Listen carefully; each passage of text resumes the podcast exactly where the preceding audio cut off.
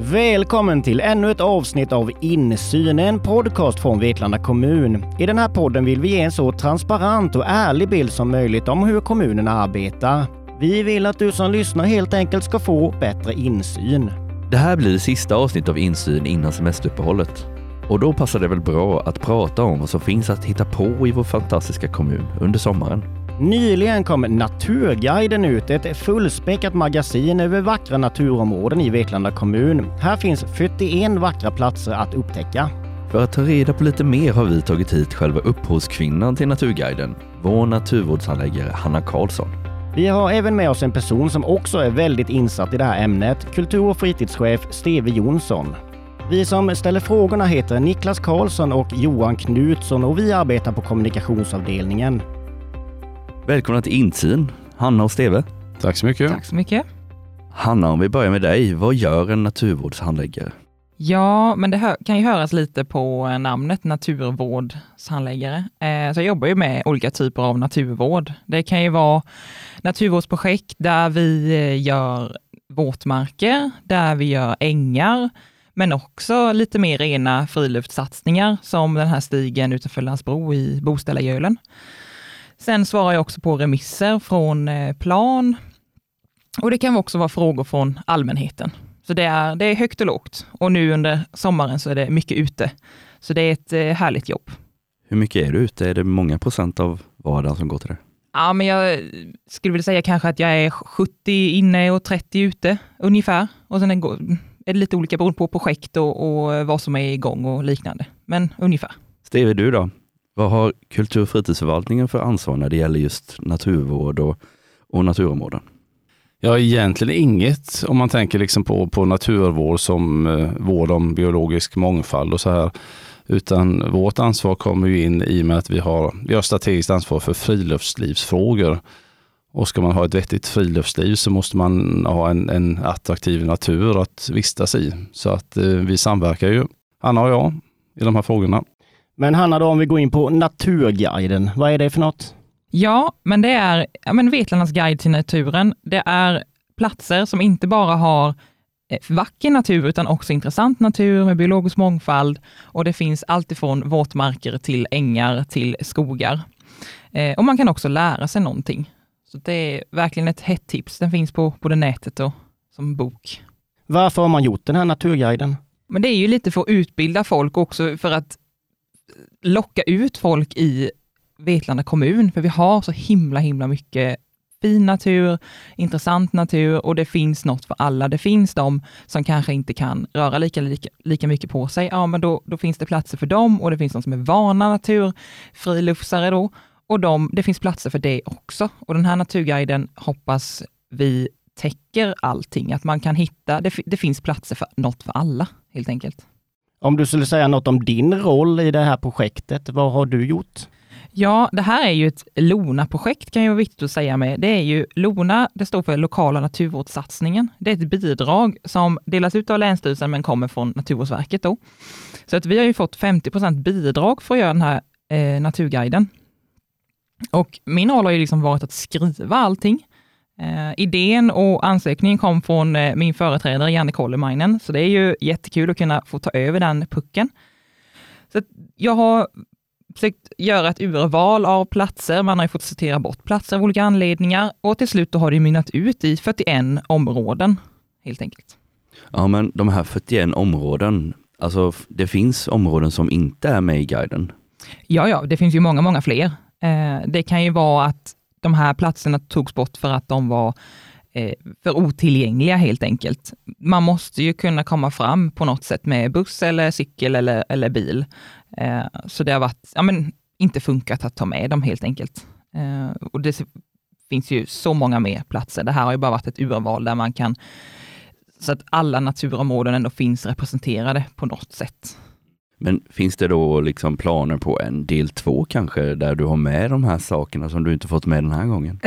Ja, nu är ju den här naturguiden så ung, så jag tänker att den, den, får väl leva en, en sommar och ett år här, så får vi, vi se hur det utvecklas. Det kan ju vara så att vi måste utveckla, att det kanske inte kommer en del två, men en version två, för att vi behöver ändra vissa saker eller, eller vad det nu kan vara. Mm. Och du nämnde att guiden finns digitalt. Eh, Ja. Finns den som en app med? Är det någon tanke på det? Inte just nu. Nu finns den ju då på kommunens hemsida eh, som en tillgänglighetsanpassad pdf. Den finns på biblioteken att låna och så finns den ju då på bland annat kontaktcenter att köpa. Men vad kostar den här guiden då? Ja, den kostar, ungefär, eller den kostar 150 kronor eh, och det är ju självkostnadspris helt enkelt. Så det är ju inget vi, vi ska bli rika på direkt. Men på webben är den gratis. På webben är den bara att, att hämta ner, man behöver ett wifi eller internet. Steve då, vad säger du om den här naturguiden, hiss eller diss? Solklart en hiss. Han vågar väl inte säga annat när jag sitter här nu. Nej, just det. Nej, men jag, tycker det är ett fantastiskt bra arbete. Dels eh, lyfter det ju fram de här 41 fantastiska områdena eh, och, och dels så görs det på ett väldigt pedagogiskt sätt. Alltså det, det är en väldigt trevlig skrift det här överhuvudtaget och, och väldigt lätt när man läser det att förstå var det här ligger, hur man hittar dit, vad som är speciellt med platsen. Eh, och om man inte har möjlighet att ta sig dit så, så kan man få en naturupplevelse bara genom att läsa den här guiden så att eh, den fyller flera olika funktioner. Och sen är det också så att eh, politiken har bestämt att eh, Vetlanda kommun ska satsa på gruvor och leder som, som eh, när det gäller destinationsmål under 2022 och det lär väl bli år framöver också. Och det här eh, går ju lite grann som hand i handske för att eh, något som efterfrågas många gånger är ju kortare leder, alltså att man kan gå en, en lagom lång runda. Eh, och då kompletterar ju de här besöksmålen som i många fall kräver att man tar sig ändå kanske ett antal kilometer, eh, en halv mil eller sådär. Eh, de lederna vi har som är Höglandsleden och andra lokala eh, vandringsstråk. Men det är ju 41 tips i den här eh, guiden. Vem är det som ser till att de här utpekade områdena sköts och hålls efter? Ja, det kan Hanna svara bättre på än jag. Ja, det är ju lite olika här. I guiden så finns det ju naturreservat, kommunala områden och privatägda marker. Eh, så bara för att ett område är med i guiden så ska det, blir det inte en automatisk skötsel på det. Men naturreservaten, det är Länsstyrelsen som sköter. Så att är det någonting man ser där så kan man mejla till dem. De kommunala områden har ju vi, Vetlanda kommun då såklart ansvar för. Eh, och de privata områdena, det är ju markägarna som sköter det och det, det gör ju de som de vill helt enkelt. Men Hanna, om jag har nu en guide i min hand och ska ge mig ut på en av lederna. Eh, det måste finnas regler där ute. Vad är det som gäller? Har alla koll på till exempel allemansrätten? Nej, det, är- det är ju så och man kan inte bete sig hur som helst och sådär. Eh, allemansrätten, det finns ju den här otroliga grundregeln inte störa, inte förstöra. Och det har ju att göra med allt. Man, man visar respekt. Är det några andra där? Man, man visar hänsyn. Man visar hänsyn till djurlivet. Man visar hänsyn till växterna och marken som är där. Och den här guiden, den i, eh, i inledningen så, så står det om allemansrätten. Man kan läsa om vad, vad, vad gäller allemansrätten? Vad, vad finns det för regler?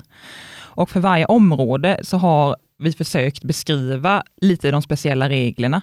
Men när det gäller naturreservat så är ju allemansrätten begränsad. Och det kan ju vara allt ifrån att du inte får elda, eller att du får elda men du måste ha egen ved. Eh, du kanske inte får tälta.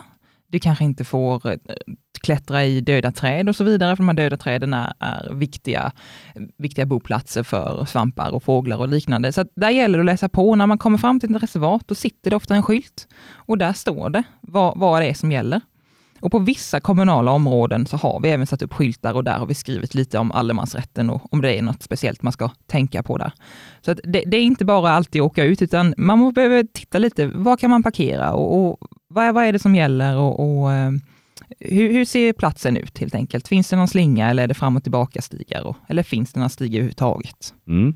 Ja, men Steve, hur står sig då Vetlanda som naturstad skulle du säga? Jag tycker att Vetlanda står sig bra som naturstad eller naturkommun. Naturen är ju en stor tillgång för oss på en massa olika sätt och inte minst när det gäller eh, ja, friluftslivet då, både för de som bor här och eh, besökare. Eh, vi har ju kanotled, vi har eh, Höglandsleden 14 mil genom kommunen, vi har en massa cykelleder och andra kortare promenadslingor och så nu den här naturguiden som eh, pekar ut en massa fina områden. Och dessutom har vi ju, vi har ju till exempel ett naturreservat som, som gränsar här till eh, planlagt område i Vetlanda. Eh, med illhargen. Och mycket annat grönt i själva stan också. Så att eh, jag tycker att vi, vi är en riktigt bra naturkommun. Ja, nej men jag, jag håller helt med och det är ju landsbygden här i kommunen man, man åker till. Vi har fantastiska ekhagar, vi har eh, skogar som är milsvida och vi har ett kuperat landskap. Och kommer man upp på höjderna så har man en mils, milsvid utsikt där man kan verkligen bara sitta ner och njuta av faktiskt en tystnad. Eh, och den tror jag är jätteviktig att ta sig ut och, och lyssna på. Bara naturen utan det hårda stadsbruset. Ja, men till slut då, vilka favoriter har ni själva om ni ska välja ett av alla fantastiska ställen vi har här i vår kommun? Vi kan börja med dig Hanna. Ja, nej men jag tycker eh, ett tips utanför eh, Pauliström så finns det ett reservat som heter Sällvadsåns dalgång, finns med i Naturguiden. Eh, ett jättehäftigt reservat med en fantastisk natur och den här Sällvadsån då, som har ett av Sveriges rikaste bestånd av flodpärlmussla. Och det är ju en av våra ansvarsarter i kommunen. Och eh, ansvarsarterna kan man också läsa mer om i Naturguiden, eh, om man inte riktigt vet vad, vad det är för någonting. Och även Drags udde som ligger där kring Pauliströmområdet är också en fin. Och båda har sådana rundslingor som man kan gå. Ställa bilen, man går en runda, eh, får intressant natur, fina utsikter och så kommer man tillbaka till samma ställe. Det är svårt att välja. Eh, om man bläddrar i, i den här naturguiden så hittar jag ju massa platser som, som är väldigt fina. Sundsängen till exempel, i Skira där jag sprang och plockade Blåsippe som barn eller Hörnebo skiffergruva där man kan åka eh, till i sommar och eh, lyssna på konserter nere i gruvan då, på onsdagskvällar. Eh, men Jättebacken i Lämnhult, där har man just den här milsvida utsikten som Hanna precis pratade om. Och dit kan man åka med sin familj. Man, man behöver inte vara ute och vandra längs Höglandsleden som passerar förbi utan man kan ta bilen dit Eh, man övernattar i en jättefin stuga. Där finns toalett, där finns grillplats och, och eh, en fantastisk utsikt som sagt. Så, så det är en, en av favoriterna. Och sen måste jag nämna Boställargölen i Landsbro som Hanna eh, tog fram i fjol. Alltså tog fram en, en runda kring den här gölen som ligger väldigt vackert och bara några stenkast ifrån eh, Landsbro centrum. Eh, vi var där vid invigningen då och eh, då fanns det blåbär, odombär och till och med tranbär längs den här slingan. Så att det var en, en riktigt fin naturupplevelse att promenera runt där. Så det kan jag rekommendera.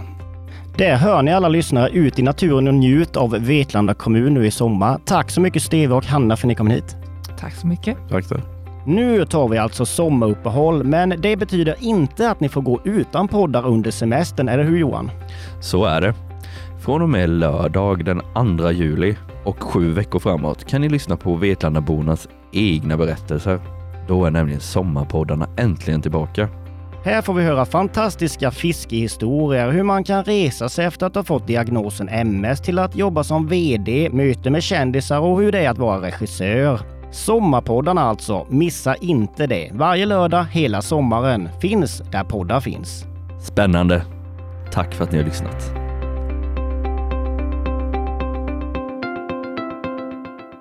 Du har lyssnat på Insyn, en poddproduktion av Vetlanda kommun.